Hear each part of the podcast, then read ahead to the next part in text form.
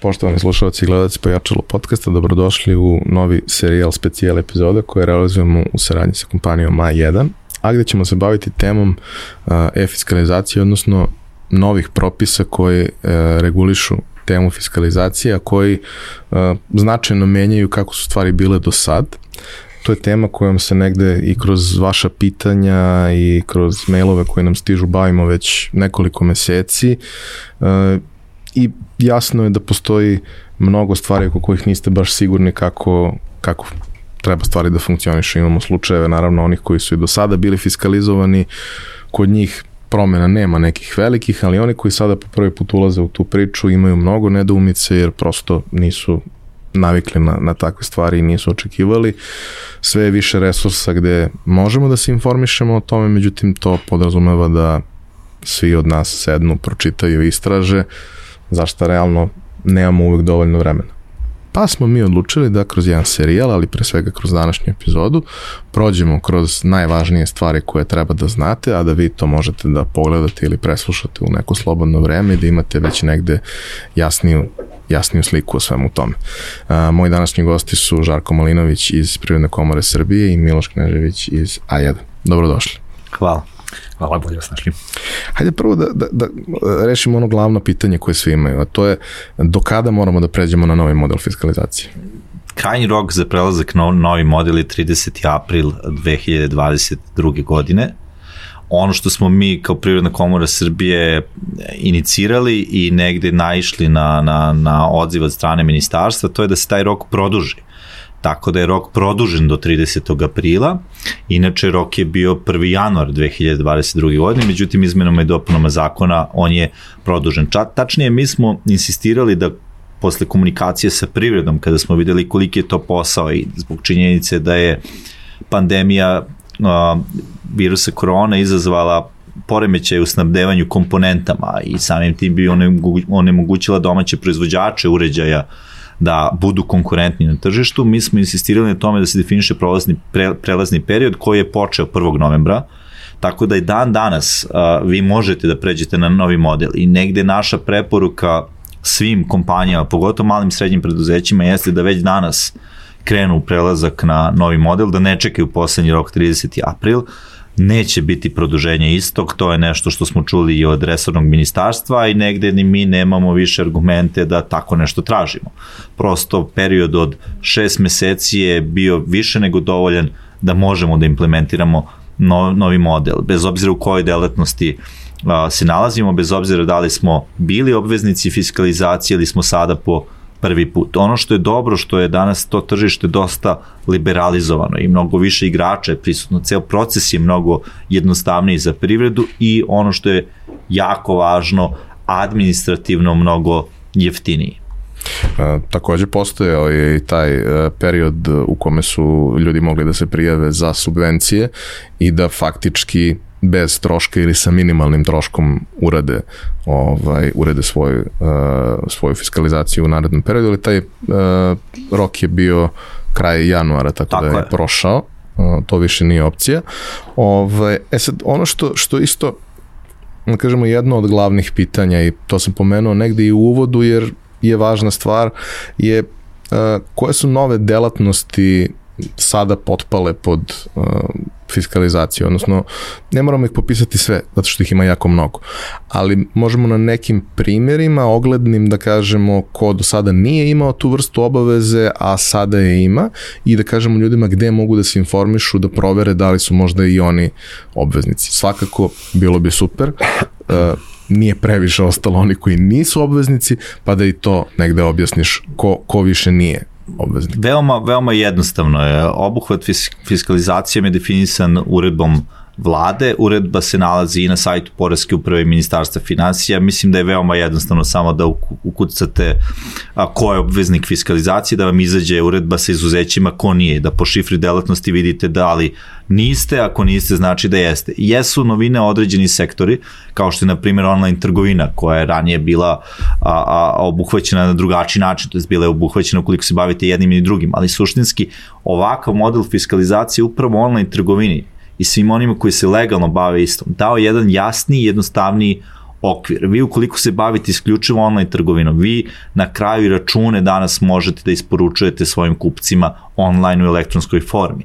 Ranije vi ste imali problem da ukoliko želite legalno da poslujete, a bavite se online trgovinom, da ste vi prilikom isporuke robe, morali svaki put da imate prvo fiskalnu kasu, da štampate fiskalni račun, stavljate ga u pošiljku i šaljete zajedno sa pošiljkom. I sad zamislite ako ste vi online trgovina koja nema sobstveno skladište, već imate 50 različitih dobavljača i roba ide direktno iz njihovog skladišta ka krajnjem kupcu, kakva je to logistička operacija bila, to tačnije vam biste bili tehnički onemogućeni da legalno uh, radite svoj posao. Važno je da shvatimo da i postoje delatnosti koje jesu i dalje u sistemu paušalnog oporezivanja, kao što su različiti pružaoci usluga, preduzetnici, a koji jesu obveznici fiskalizacije.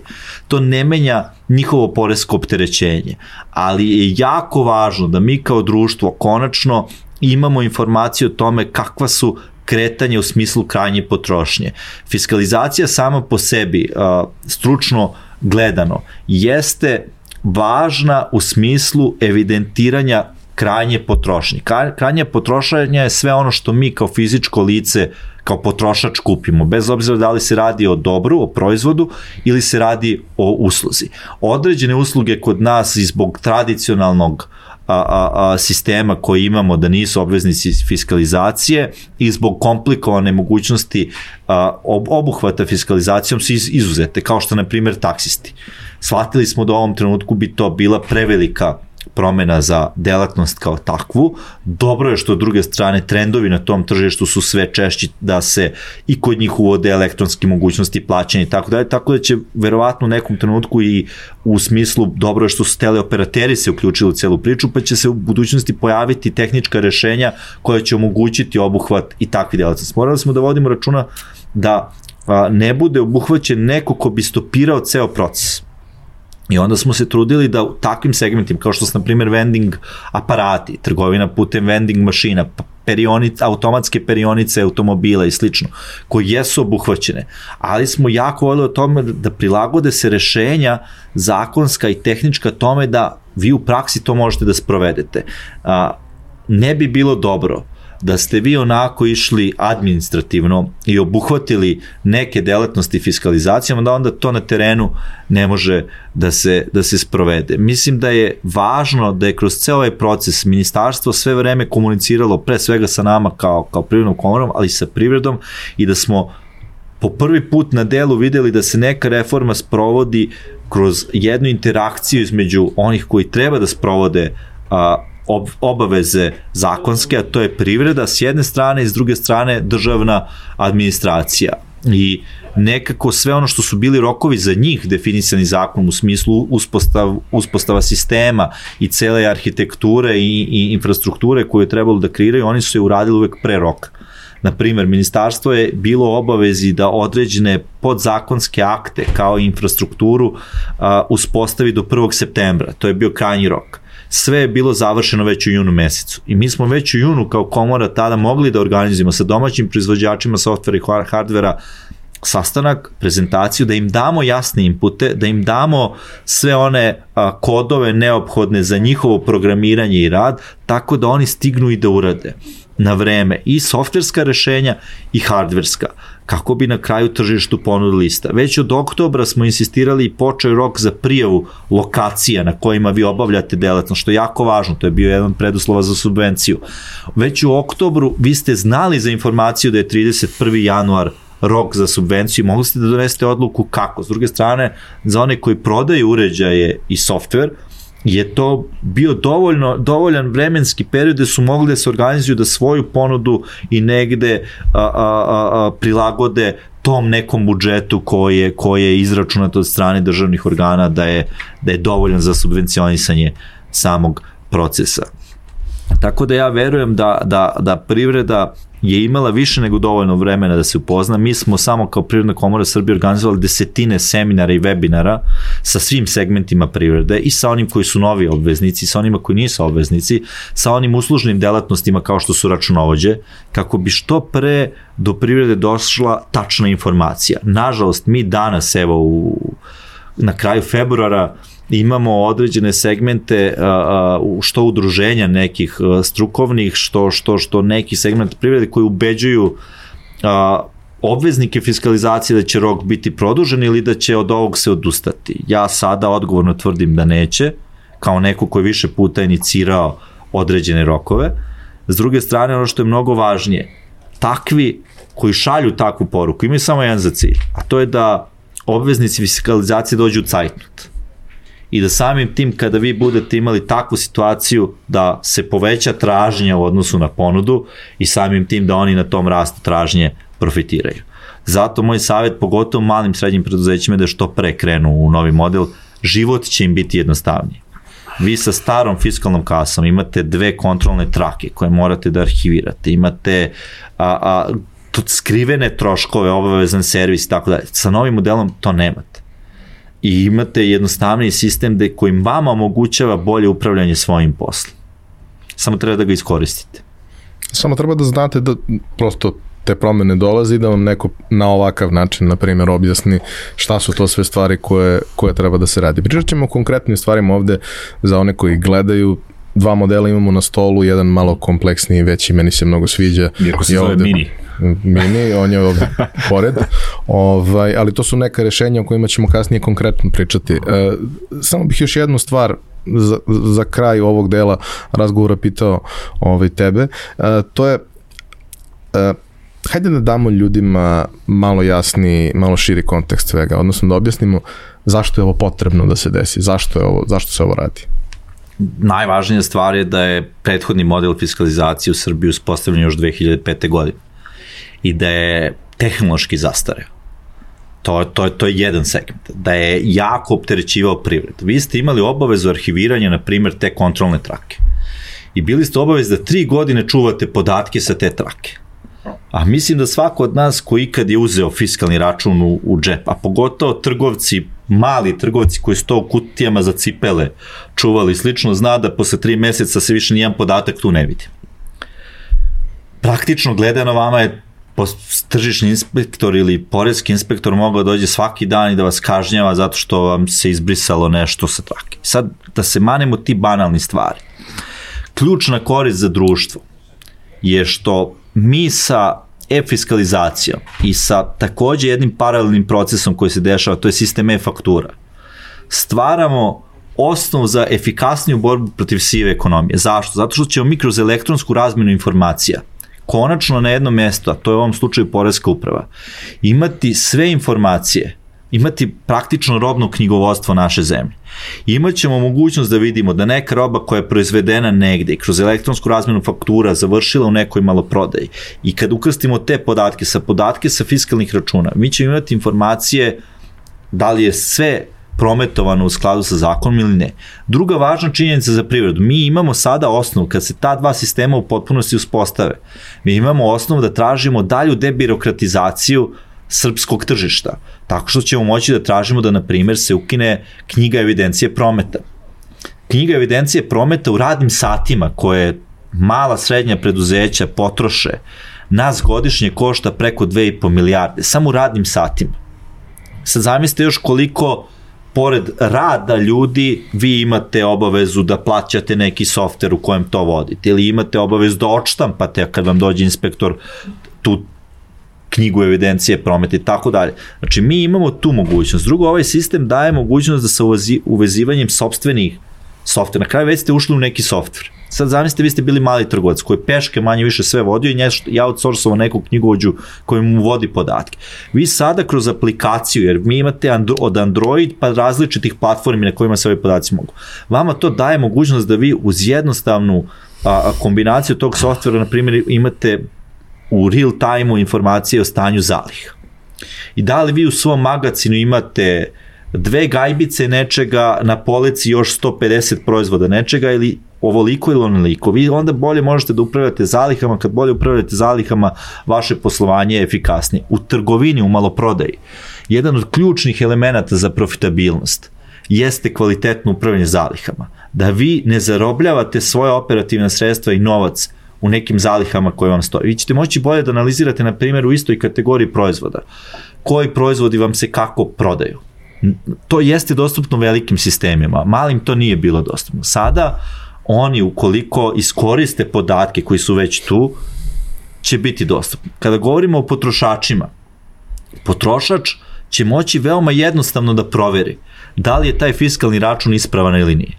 Prostim skeniranjem QR koda, a danas 90% populacije ima pametne telefone, vi ćete automatski moći da vidite da li je taj račun ispravan ili ne. Mi sada smo imali račun koji dobijete i nije se redko dešavalo da vi imate neke fiskalne kase koje nisu uopšte spojene sa serverom Poreske uprave, da vama neko uredno štampa račun i dobi i da, da, da vam ga da u ruku. Čak ja se sjećam kad sam pitao kolege koji su radili onu nagradnu igru, kako vi stvarno znate da je to originalni račun? To je bilo teško da ustanoviti. Znate, on ima neke obavezne elemente koji su bili grafički. Vi danas imate QR kod koji je obavezan element fiskalnog računa, skenirate i vi vidite da li je račun validan ili nije validan. Šta je takođe važno za, za društvo? Mi nemamo rigidan propis. Mi smo ranije imali propis koji je definisao izgled računa, ne njegove obavezne elemente.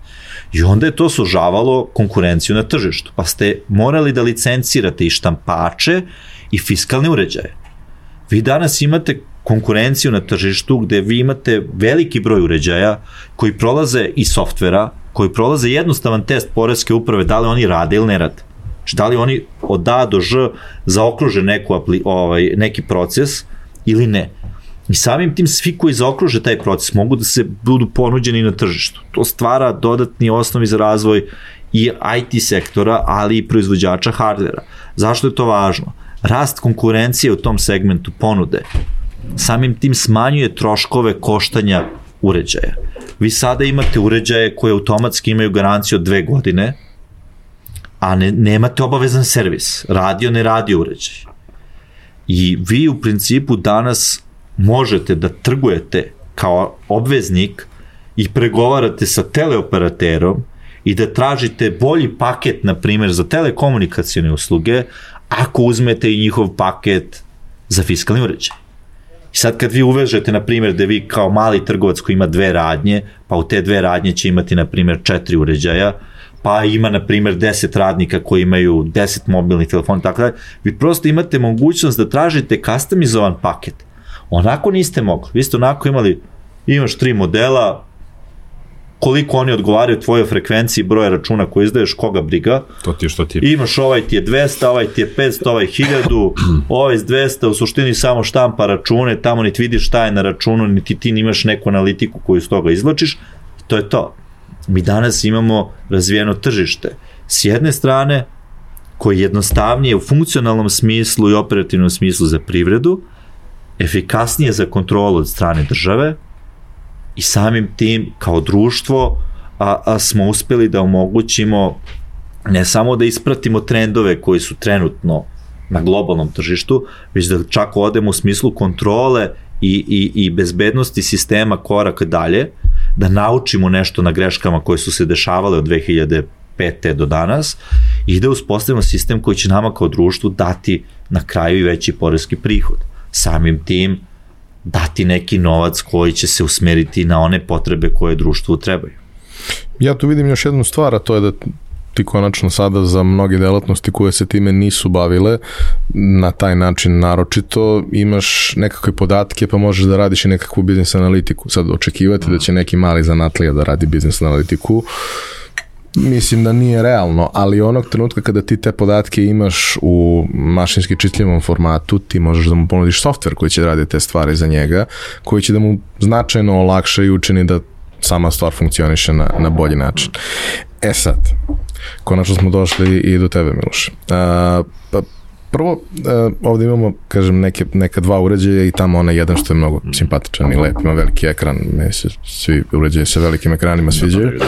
Ovaj, ali i ovi mi se sviđaju, baš ovako simpatični, dopadljivi i jednostavni i mnogo više podsjećaju zapravo na smartfone nego što podsjećaju na, na bilo šta od onoga kako tradicionalno izgledaju fiskalne kase. Uh, šta je bila vaša logika? Uh, kako ste se vi odlučili da uđete u, u ovu priču i uh, kako izgleda to kada ono, telko operator koji nije, ovo, ovo nije vaš biznis, ulazi u potpuno novu granu i treba da se upozna sa svim tim stvarima, mislim, hajde da objasnimo ljudima i ugao, a sa druge strane da objasnimo ljudima iz čega se sastoji nova fiskalna kasa, vi ste da. to morali da naučite. Ja, dakle, mi uopšte u ovoj, u ovoj fiskalizaciji ovaj, od skora. Pa dakle, A1 se bavi poslovnim korisnicima, korisnicima već dugi niz godina, jel? I trudimo se da tim korisnicima nekako ovaj, e, olakšamo poslovanje i da nekako izgradimo sa njima partnerski odnos. Šta to zapravo znači? Upravo ovo što si malo pre rekao, korisnici će sa novom fiskalizacijom imati dosta podataka koji će kasnije eventualno uz neki softver moći da obrade pa da saznaju neke pametne stvari o svom poslovanju, lageru, protoku i tako dalje. E, naš portfolio proizvoda koji nije vezan sad konkretno za fiskalizaciju se bavi raznim sferama poslovanja korisnika, malih, srednjih, velikih preduzeća. Što znači mi, e, za nas nije novo uvesti neki nov proizvod i nov portfolio proizvoda u tako kod nas u kompaniju, kako bi korisnicima mogli da ponudimo više stvari jedan put. Ovaj, počeš od security rešenja, data connectivity-a i tako dalje. Odatle mi u fiskalizaciji. Bilo bi neodgovorno da se mi sad ovde ne, ne, ne pozabavimo i ovom tematikom. Imamo našu bazu korisnika, imamo određenu odgovornost prema njima, Uh, zamislite sad, uh, dugi niz godina obnavljamo ugovore sa našim korisnicima za razne servise i onda se sad pitaju, e, šta je s ovom fiskalizacijom ili nešto novo kod vas, a mi kažemo, pa znate, mi imamo evo, karticu da vam damo za internet i to je sve što mi možemo da uradimo za vas. Bilo bi stvarno neodgovorno. S tim u vezi, e, potrudili smo se zaista da, da, da što više naučimo o, o ovoj materiji, a, da izaberemo najkvalitetnije proizvode, da te proizvode nekako u, pokušamo da, da, da, da stavimo u kontekst e, veličine preduzeća i kompleksnosti biznisa kojima se, kojima se korisnici bave. S tim u vezi, da konkretizujem, e, ponuda se sastoji iz uređaja sa SIM karticom, je tako, sa količinom interneta koja je potrebna na mesečnom nivou da se podaci šalju, primaju i tako dalje softver koji komunicira sa poreskom upravom i aplikacijom koja izde račune, je tako. Ove, ovaj, e, naravno, mi smo svesni da, da je rok kraj aprila, je tako. Uh, i drago mi je što sam čuo da neće biti pomeranja. Ali nekako sad možete da zamislite kada veći deo prirode krene u poslednjih 5-10 dana da, da, da traži nešto od bilo koga, pa i od nas koji smo, da kažemo, ajde poveći sistem organizovan, spremili smo lager, imamo procese, ali neće biti lako isporučiti sve to što treba da se isporuči. Ima na kraju jedan deo koji Poreska uprava sama treba da dostavi korisniku, napravit ćemo kolaps. A tolerancije, kako sam čuo, neće biti. Tako da ja zaista apelujem na, na, na market da se, da se aktiviraju po tom pitanju u smislu da nas pozovu koga god oni žele, svog najbližeg servisera i to je skroz ok, ali dajte samo da krenemo na vreme sa tim, već smo malo u zakašnjenju, ali hajde da sada to uvedemo u neki rok i da to uspemo da, da, da smestimo u rokove suština je što vi u ovom prelaznom periodu možete da radite u takozvanom test, testnoj fazi. I da vi onda vidite a, da li u kojoj meri neki uređaj ili softver odgovara vama vašim potrebama. Uz dodatak, ja se izvinjam što, što upadam, uh, 30. aprila je kraj Ako sad uzmete rešenje, recimo konkretno od nas, dobit ćete ga besplatno, baš zbog ovoga. Uzmite ga i sačekajte trenutak kako već ne želite odmah da krenete u produkciju, što se kaže. To. U mojom mišljenju bolje krenuti što pre, jer je život jednostavniji sa, sa, sa novim da. rešenjem. Takođe, defiskalizacija starih uređaja, što je važno u smislu procedure za one koji jesu obveznici, je automatska Znači ne morate nešto kao pre što je bilo da plombirate, šaljete, vraćate, zapisnike pravite. Slično vi kada uključite novi uređaj i krenete da funkcionišete sa njim, stari otišao istoriji, imate obavezu u smislu upravljanja elektronskog otpada da ga na taj način rešite, nemate obavezu da ga nešto dostavljate poreskoj i slično.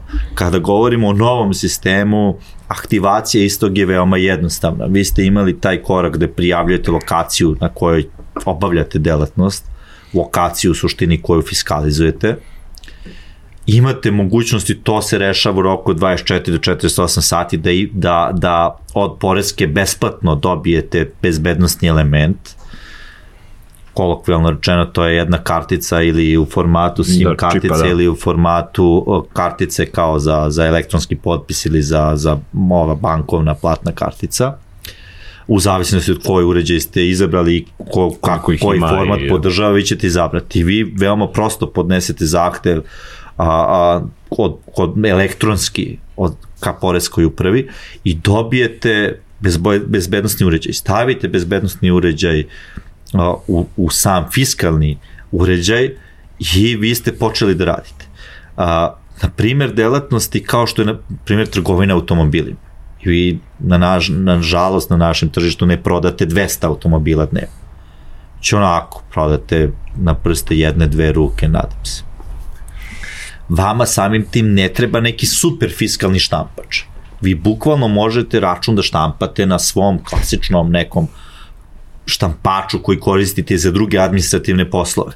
A, Zašto? Zato što taj broj kupaca koje vi imate zadovoljavate time. Imate softver, instalirali ste softver, uzeli ste taj neki fiskalni modul, stavili ste karticu, sve ste to povezali, čak to kod ovih koji imaju već neki softverski sistem je toliko jednostavno jer su se potrudili softveraši da to sve usklade. Imate već inf, infrastrukturu u smislu interneta, sve ste to povezali i prešli ste na sistem za 5 minuta. Lagano. E, pomenuli smo da vi trenutno nudite tri rešenja i oni koji gledaju, oni mogu da ih vide, oni koji da. slušaju, he, sve, opisao sam vam liče na telefone sa, sa onim dodatkom gore gde prisloniš karticu. Ovaj jedan liče na tablet. Da. I lepi su, baš su lepi svi. Ali koja je razlika? Koji je za šta i prosto kako je uopšte koncipirana Jasne. ponuda. Ja kad sam vidio jedan od ovih aparatića, ovaj, bio sam u, u Americi, ušao sam u jednu radnju, dalje sad da ne, ne, ne reklamiram, ali ono što sam doživio kada sam se rešio da nešto kupim, a, rešenje je bilo tako što je čovek izvadio taj aparatić, skenirao to što ja hoću da kupim, bžt, izašao mi je račun, zapravo izvinjam se, on me pitao da li hoćeš na mail račun ili ovako, ja sam rekao yes, ne znam ni šta sam uopšte odreagovao, ja sam bio oduševljen tim, izašao mi je račun, vjerojatno me malo krivo pogledao kao stvarno hoćeš da ti štampam ovo. Naravno, stigo mi je na mail račun i to je bilo to. Nema Nećemo imenovati firmu, ali, ali sadrži voće. sadrži voće u nazivu. Da, ele, uh, kao što sam na početku i rekao, mi smo ponudu negde i koncipirali po, po principu toga da smo nekako posmatrali tržište malih, srednjih, velikih preduzeća i malo kompleksnih sistema, tako. Tako da, opet, ko gleda može da vidi ova dva uređaja koja se nalaze ovde, oni su negde zamišljeni za male i srednje preduzeća, tako, poput frizerskih salona, kozmetičkih salona, cvećara i tako dalje. Uh, ovaj drugi aparat koji ima već ugrađeno kartično plaćanje, on je, on je jako ajde, zgodan za, za korisnike koji, koji će imati toga dosta u, u svom dnevnom poslovanju. Uh, što se tiče srednjih preduzeća koji imaju, ajde kažemo, dosta artikala i kojima je bitan taj neki grafički prikaz, uh, i ima integrisan printer i ovaj iza mene što je, inače se zove D2 mini, verovatno je minimalan effort prilikom korišćenja, pa su ga zato tako nazvali, ali prilično onako modern aparat sa dve strane ima display, tako. E, naravno, takođe jako bitno reći da kompleksniji sistemi koji imaju već određene već postojeći sisteme na koje treba da se nadogradi ova nova fiskalizacija, e, tako Takođe tu se radi personalizovan, personalizovan softver na, na, na Windows platformi koji, koji se uklapa u već njihovo postojeće rešenje. Znači tu nećemo razgovarati o akim kasama, nego ćemo praviti posebno rešenje za njih. Tako. Da, mislim da je to posebno bitno i bavit ćemo se između ostalog tim u, u jednoj od narednih epizoda, a to je da ono, veliki sistemi imaju mnogo više opcija koje su im potrebne u odnosu na male sisteme. Mala prodavnica 99,9% svog prometa završava gotovinom ili karticom, ali veliki sistemi imaju vouchere, gift kartice, loyalty program, a, posebne, posebne tipove kupaca, diplomate koje plaćaju bez uh, određenih da, poreza da, i tako dalje. Da. Hiljadu i jednu stvar uh, koja prosto dodatno usložnjava ceo, ceo proces, a to sve negde treba da se isprati. Oni do sada nisu imali, iz razgovora sa, sa, sa nekim od njih, oni do sada nisu imali neko uh, elegantno rešenje da to reše, pa su to rešavali vrlo komplikovano kroz sobstveni softver i gomilu nekakvog dodatnog Tako. papira koji je tu postojao. Ovde je ideja da se te stvari rešavaju na sistemskom nivou kroz taj neki advanced uh, način izdavanja računa. Ve, veoma je jednostavno. O, svaki račun danas koji se izda, bez obzira da li se radi o avansnom računu ili krajnjem računu, on ima svoj QR kod ima svoj broj. Kada se desi da to, na primjer, vi izdate kupcu avansni račun, a on kad dođe da konačno obavi ili zaključi kupovinu, tada dobija krajnji račun. I suštinski veoma je prosto što će prodavac moći skeniranjem QR koda ili povezivanjem dva računa software to reši povezivanjem dva broja. Isto i sa sredstvima plaćanja, kada govorimo o nekim voucherima ili recimo kada kupite voucher, znači da li ga kupujete kao proizvod ili ga kupujete kao sredstvo plaćanja. Pardon, sve su to stvari koje su sada jednostavno rešene, da li se radi o kupovini od strane lica oslobođenog plaćanja PDV-a, to jest diplomatskog lica. Ranije ste tu morali da popunjavate 150 nekih obrazaca. Danas je to sve veoma jednostavno softverski elegantno rešiti i nema vama komplikacija upravo to da vi kod sebe u sistemu mora uvežete pet različitih a, softvera, arhiva i sveg. Dan, danas je taj deo mnogo, mnogo jednostavniji. A, ono što je takođe važno, a, vi ste recimo ranije imali problem kod velikih što svaka kasa pojedinačno, to jest, pardon, svak, svako ajde, jednostavno da ljudi razumiju, svaka kasa je morala biti posebno fiskalizovana. Svaka u sebi... Se kao prodajno mesto. Tako je. Vi danas u suštini fiskalizujete prodajno mesto i vi možete preko jednog bezbednostnog elementa da kontrolišete 10 kasa. Od vas zavisi koju brzinu protoka informacije i komunikacije sa serverom Poreske uprave vi želite.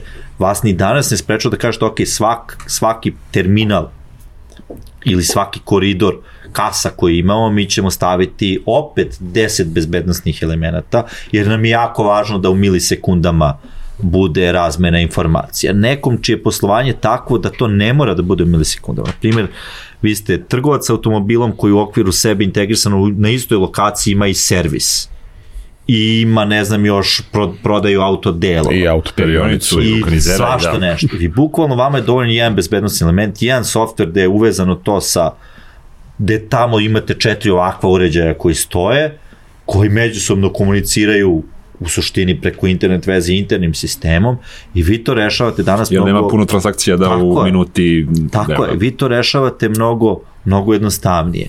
Na kraju krajeva, vi kad ste recimo organizovali prodaju van prodajnog mesta, ste morali da idete da fiskalizujete uređaj i tako dalje. Tako. Danas sve te stvari se mnogo jednostavnije, banalna stvar, vi ako ste hteli da izbacite robu i da je prodate ispred radnje, ono, da napravite neki vid promocije akcije, vi ste morali da fiskalizujete novi uređaj samo zato.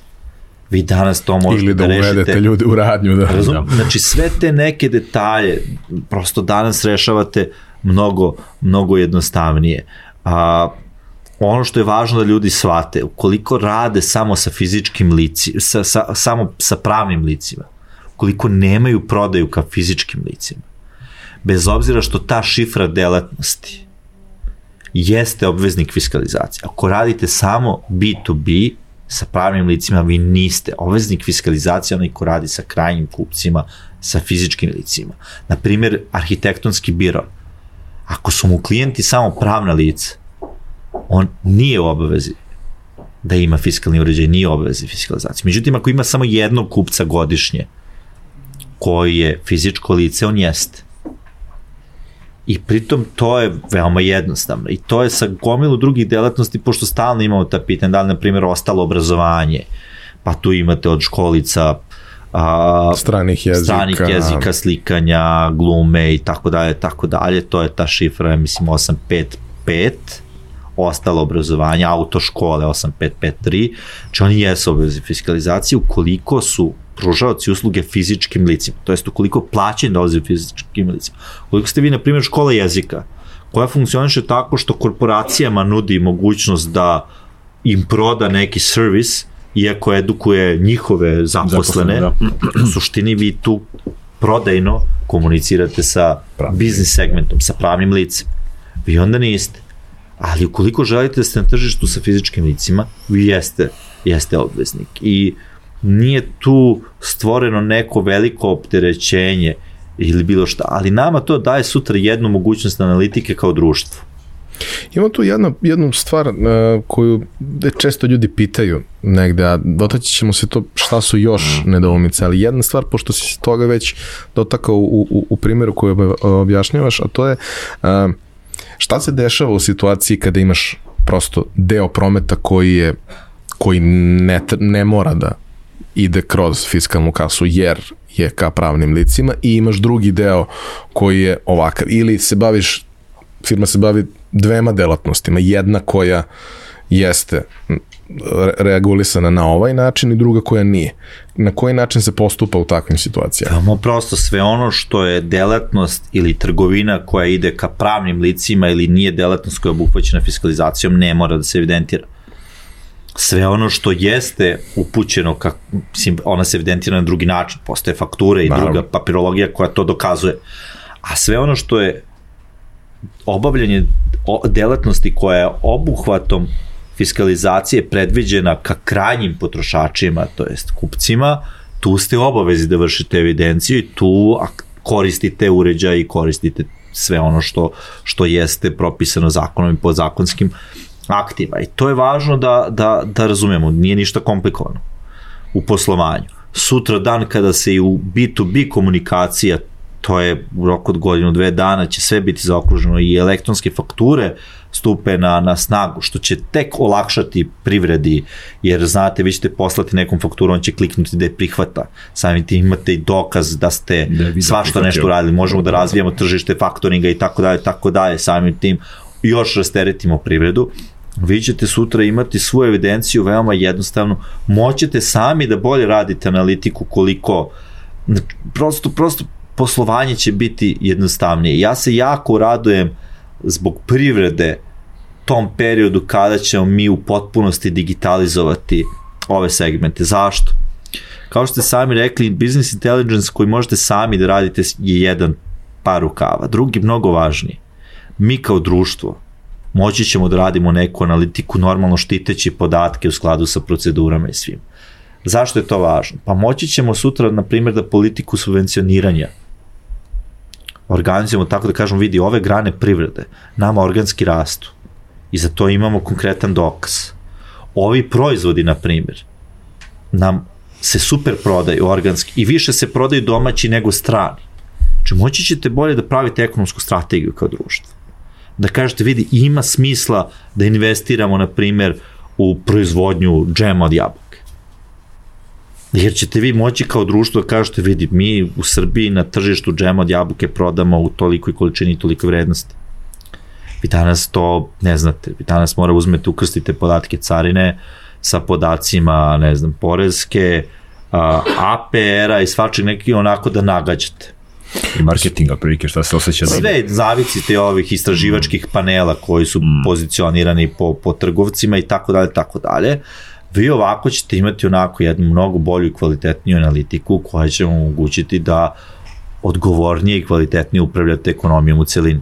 Dobro, na, super tačno zapravo, jel da, znači kupio si nisi kupio, mislim, izašlo je, nije izašlo je sa stanja, mislim. Ne, uvek, nema. uvek kažemo ono jednu istu stvar, koliko god ovaj, svako se bavio nekim različitim poslom i sve. Pretpostavke su super, podaci su bolji. Tako. Uh, jednostavno, pretpostavka je uvek podložna tome da, da postoji neka vrsta iskrivljenog ogledala u koje gledamo. Ono, ako ako volimo Škodu i ako vozimo Škodu, mi vidimo mnogo više Škoda na ulici nego što ih realno ima. Jednostavno je tako.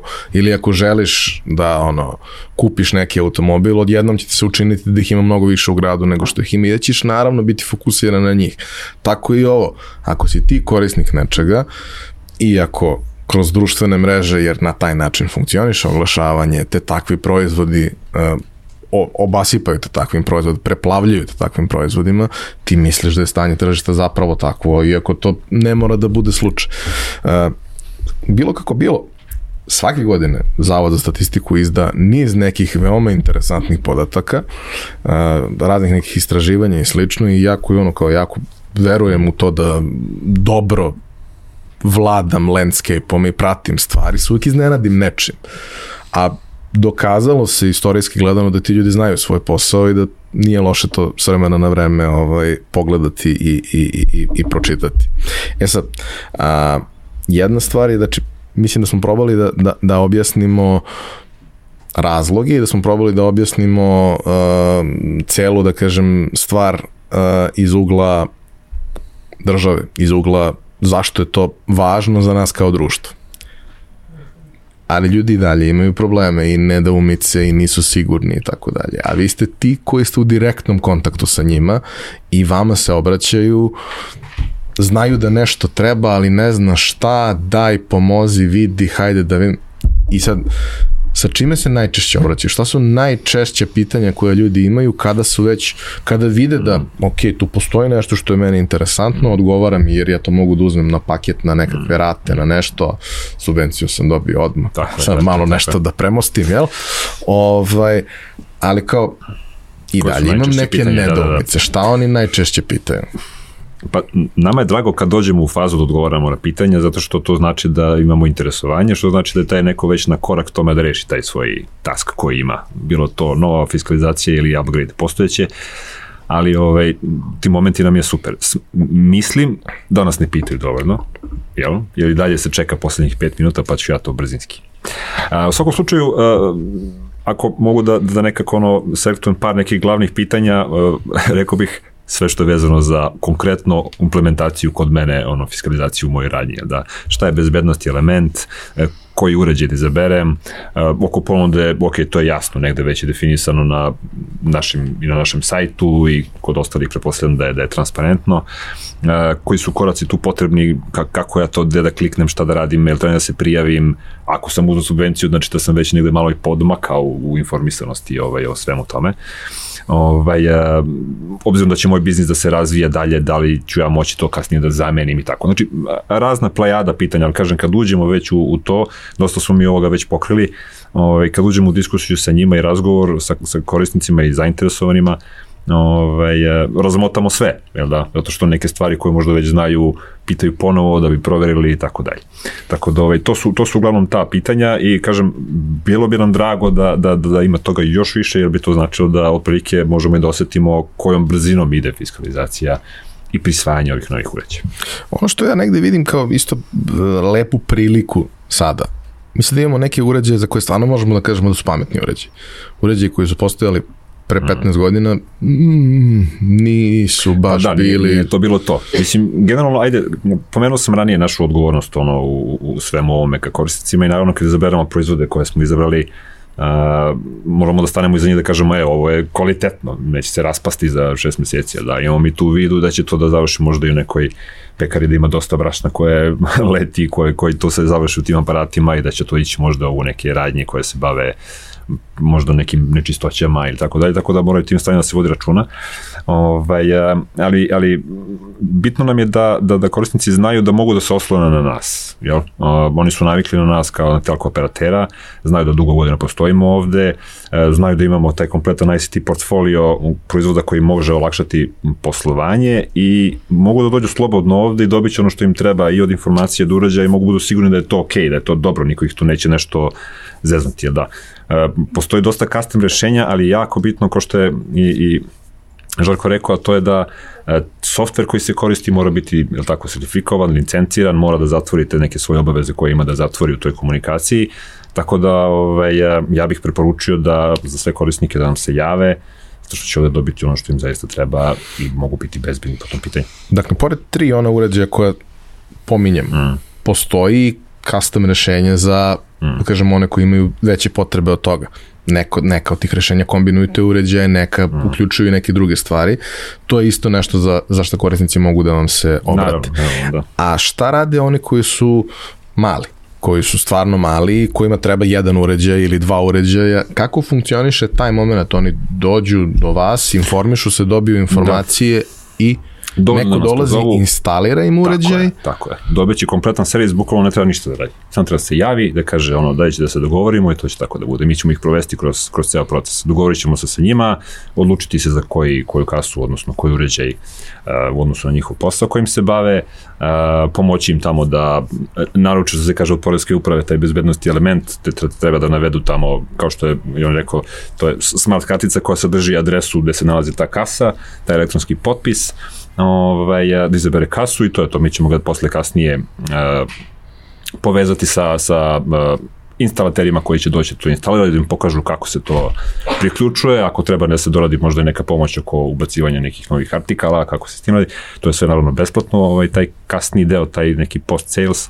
Tako da generalno kada mi uđemo ovaj, u, u dijalog, mogu već da smatraju da im je posao rešen u smislu informisanosti i, i kretanja kroz ovaj sistem nove fiskalizacije, ovog nekog tranzitnog perioda. No, što sam ja video uh, i iz razgovora sa ljudima koji su prošli proces već mm. Bilo kroz sistem A1 ili kroz neki od drugih uh, ponuđača, to je da su zapravo uređaji uh, sa, sa rešenjem koji dolazi na njima vrlo slični onome na što smo navikli skoro svi, naročito u mlađoj populaciji, a to su pametni telefoni. Mm.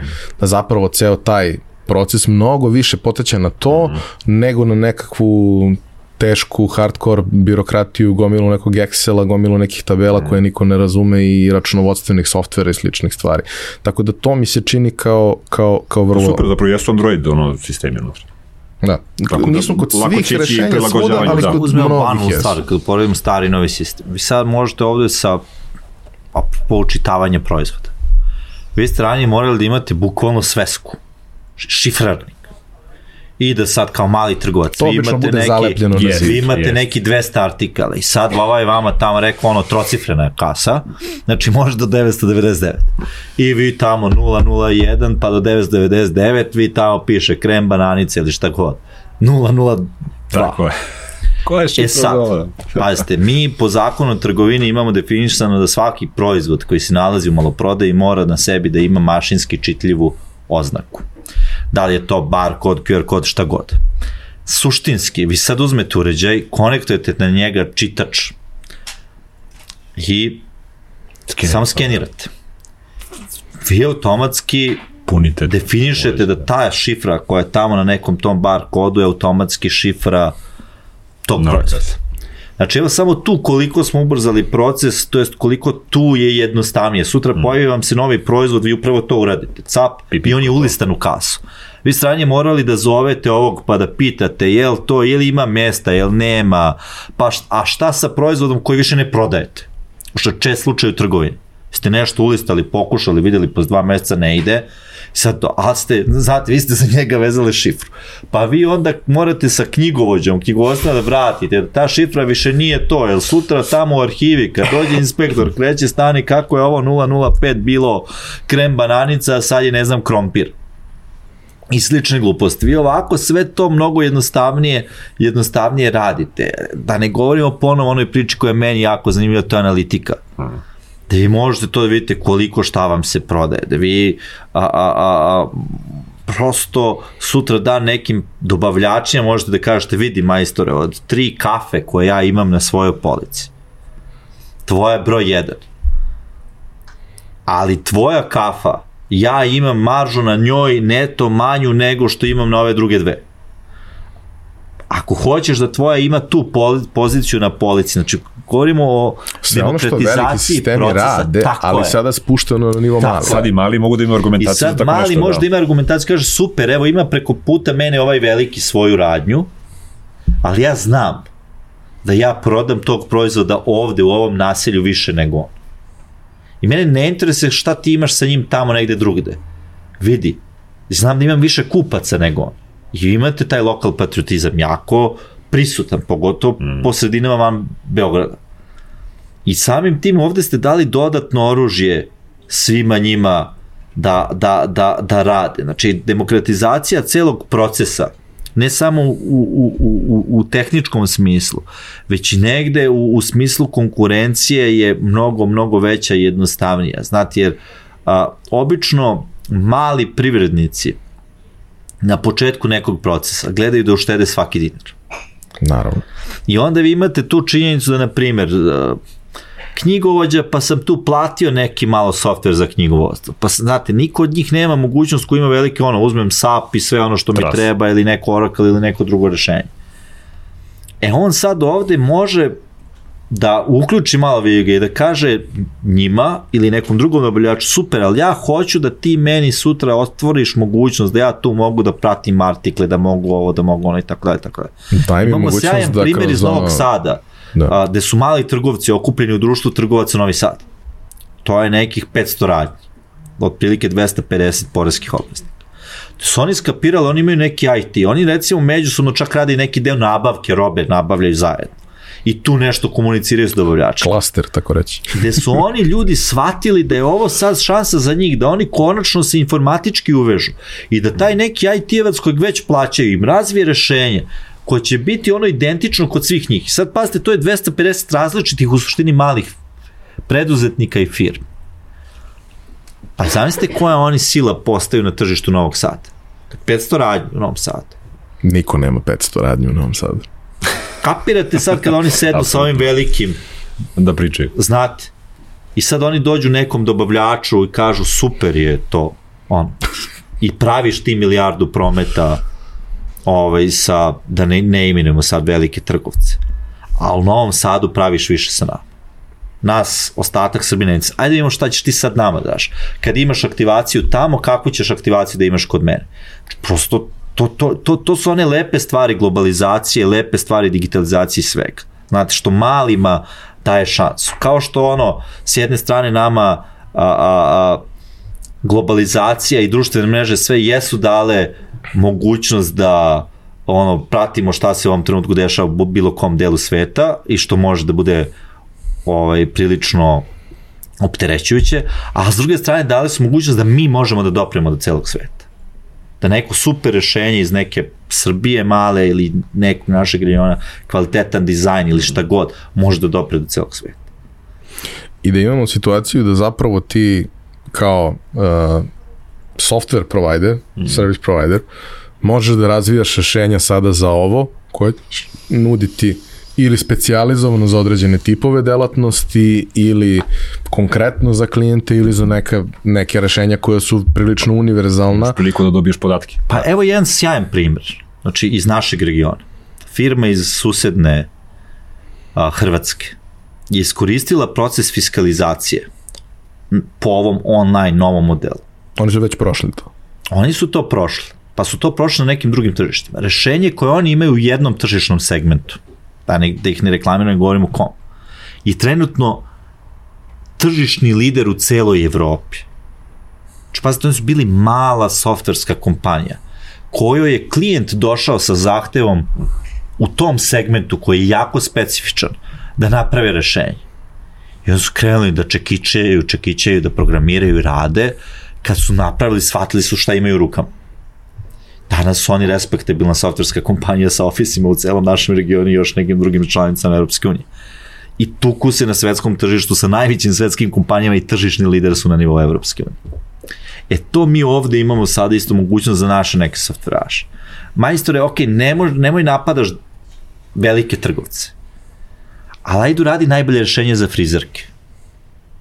Znači, najbo, on napravi najbolje rešenje koje podržava, evo, Android ili šta god za frizerke razgovaraj s njima šta je ono što njima treba. To, to je prilično, mislim, ja sam laik za software, ali sam shvatio kroz ovaj ceo proces da sva ta rešenja da se naprave, da ispune zakonski deo, ali da se još proširi malo u smislu biznisa i onako za, za, za informatičare, što bi rekli ovaj, Lep playground. Za levom ruku, tako je. Ja, ako imaš neko ko ima biznis znanje, ko može Tako. pritom da komunicira sa mm. ljudima iz tehnologije, da im objasni šta treba da se napravi, mm. možda i da im racionalizuje zašto to treba da se napravi, dobit ćeš rešenja koja su sjajna, a koja zaista mogu da budu izuzetno jednostavna za korišćenje. E sad, sami ste jedan sistem.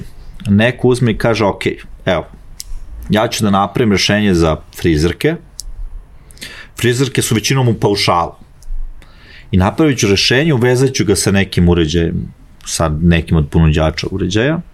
I to rešenje za njih će biti besplatno uslov je samo da intelligence koji se dešava kroz, kroz te uređaje i tu aplikaciju, ja dobijam u neku svoju bazu i da to ugovorno rešim sa njim.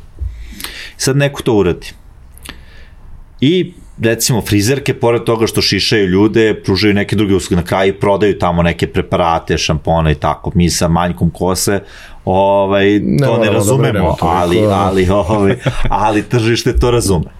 I sad zamislite kao oni tamo znaju onda, ne znam koliko žena koristi ovu ili onu neku, one maske, preparate, dodatke ili šta već. Ok, on neće se naplatiti od frizerke. ali on sutra može bez problema se naplati od nekog ozbiljnog proizvođača i učesnika u tom tržištu. Mm, Uvoznika. Tako je. I to, to je taj proces demokratizacije. To je ono što vam danas, danas daje kao, kao, kao, kao mogućnost. Mislim da danas taj, to posjedovanje informacije je mnogo važno. Mislim da je važno da oni koji su vlasnici informacija, a to su mali privrednici, to takođe shvate. Mi znamo da na našem tržištu recimo postoje različite aplikacije za dostave. By the way, i dostave su obveznici fiskalizacije takođe. I recimo, vi kad pogledate njihove finansijske izveštaje, vidite da no, to nije nešto visoko profitabilan biznis, čak naprotiv. Ali onda pogledate transakcije kada je taj biznis prodavan globalno što, što lokalno, vidite da su to onako prilično visoke transakcije. Da shvatite da ono što vredi tu nije biznis kao biznis, već informacija koju taj biznis ima. Šta jedemo, kako jedemo, kad jedemo. Pa dobro, da, naravno. Mislim, taj moment gde, gde ti ulaziš u neku priču prikupljanja podataka jeste vrlo značajan i ne znaš uvek šta će ti ti podaci. Ali ako ih imaš, nešto sa njima možeš i da radiš. Ako ih nemaš, onda možeš samo da pretpostavljaš. Pretpostavke ne moraju uvek da budu tačne. Ali evo, vratimo se na frizerku. Evo, veoma naporan posao, znate, ona ima ograničen resurs koji se zove vreme. I, I kičma. Broj stolica puta vreme, toliko ona dnevna usluga može da pruži. Ona sada kroz ovu analitiku može da zna ako dobro napravi šifrarnik i sve dalje, ona može da zna a, po danima, a, vremenskim slotovima, kad ide, ne znam, aj sad zezaći se peđeći trajna, kad ide samo šišanje, kad ide pranje kose, kad ide šta još. Kad koliko ljudi treba. I kad ona može, može da, da kaže, pauza. vidi ovako, mjama lupam, utorak, sreda su rezervisane za ta brzinska šišanja. Neka petak, subota su nam a, frizure za svadbe, sahrane i slično. I na osnovu toga oni mogu da kažu, ok, ajde sad da vidimo kako mi ovu analitiku da iskoristimo, kako da mi cenovnu politiku prilagodimo tome. Utorkom nam je prazno. Pa utorkom mi na ove skuplje proizvo, usluge, kao što je na primer farbanje, mi ćemo dati neki popust da bi privukli ljude da nam utorkom dođu i da se farbe. A petkom, subotom, kad je zbog svadbi, izlazaka i drugih evenata ovaj, frka da se uradi frizura, da ćemo stavimo cenu koja je 30% već, veća jer ćemo sigurno prodati. Ili zakazivanje, ili kako god. I, i razumete, sad to vam daje ovaj uređaj. Mogućnost da radite takvu analitiku. Zamislite sad šta vam je trebalo u ranijem sistemu, ono, da imate neku svesku peške, pa da, ne znam, pravite Excel tabele po kupcima i unosite tamo, ne znam. Onda na kraju vi možete da vidite konkretno kupca, da idete dotle da ono, uvezujete to sa daljom personalizacijom i tako da, mislim, stvarno, a, a, a, o, ovaj, ovaj sistem na kraju daje iznenada mogućnosti za male da, da, da dalje unapređuju i razvijaju svoj proces e, poslovni i da konačno uđu u digitalizaciju isto, a da to ima smisla, da to ne bude ono kao ajde sad, ne znam, mi smo salon koji ima aplikaciju. Jasno. Uh, u A1 imaju partnera od koga mogu da dobiju sve informacije i svaku vrstu podrške. Jeste. I drago bi nam bilo da je što više iskoriste. I što pre. I što pre, još, još bitnije od svega. Da. Uh, ono što smo negde dogovorili uh, prilikom realizacije ovog serijala uh, je da prosto tokom celog serijala prikupljamo pitanja svih vas. Dakle, sve nedoumice koje imate, sve oko čega niste sigurni, pišite nam, možete da pišete u komentarima na YouTube-u, možete da pišete putem društvenih mreža, Instagrama, čega god, pišete na mail info.pojačalo.rs. Mi ćemo sva vaše pitanja sakupiti i potrudit ćemo se da napravimo jedan dobar presek i da u poslednjoj epizodi odgovorimo na sve njih. Da prosto i te stvari demistifikujemo na vreme, da imate još dobrih mesec dana da odreagujete sa svim stvarima koje su potrebne, a da možda neke stvari koje mi nismo uzeli u obzir jer se tiču nekih specifičnih slučajeva koji nam nisu na radaru u ovom trenutku. Pojavit će se nešto, možeš to nismo. Ovaj, možemo, da, možemo da adresiramo. Momci, hvala na razgovoru. Hvala, hvala što ste hvala podelili sve ove informacije. Hvala vama što ste nas slušali. Nadam se da vam je bilo zanimljivo, ali se još više nadam da vam je bilo korisno, jer u ovom trenutku je to, to važnije. Uh, svake naredne srede naredne četiri srede, odnosno naredne tri posle ove epizode, ćemo imati još nekih važnih uh, tema vezano za samu fiskalizaciju, tako da ispratite to, a mi se vidimo i uh, svake nedelje u našim redovnim epizodama. Hvala vam na pažnji.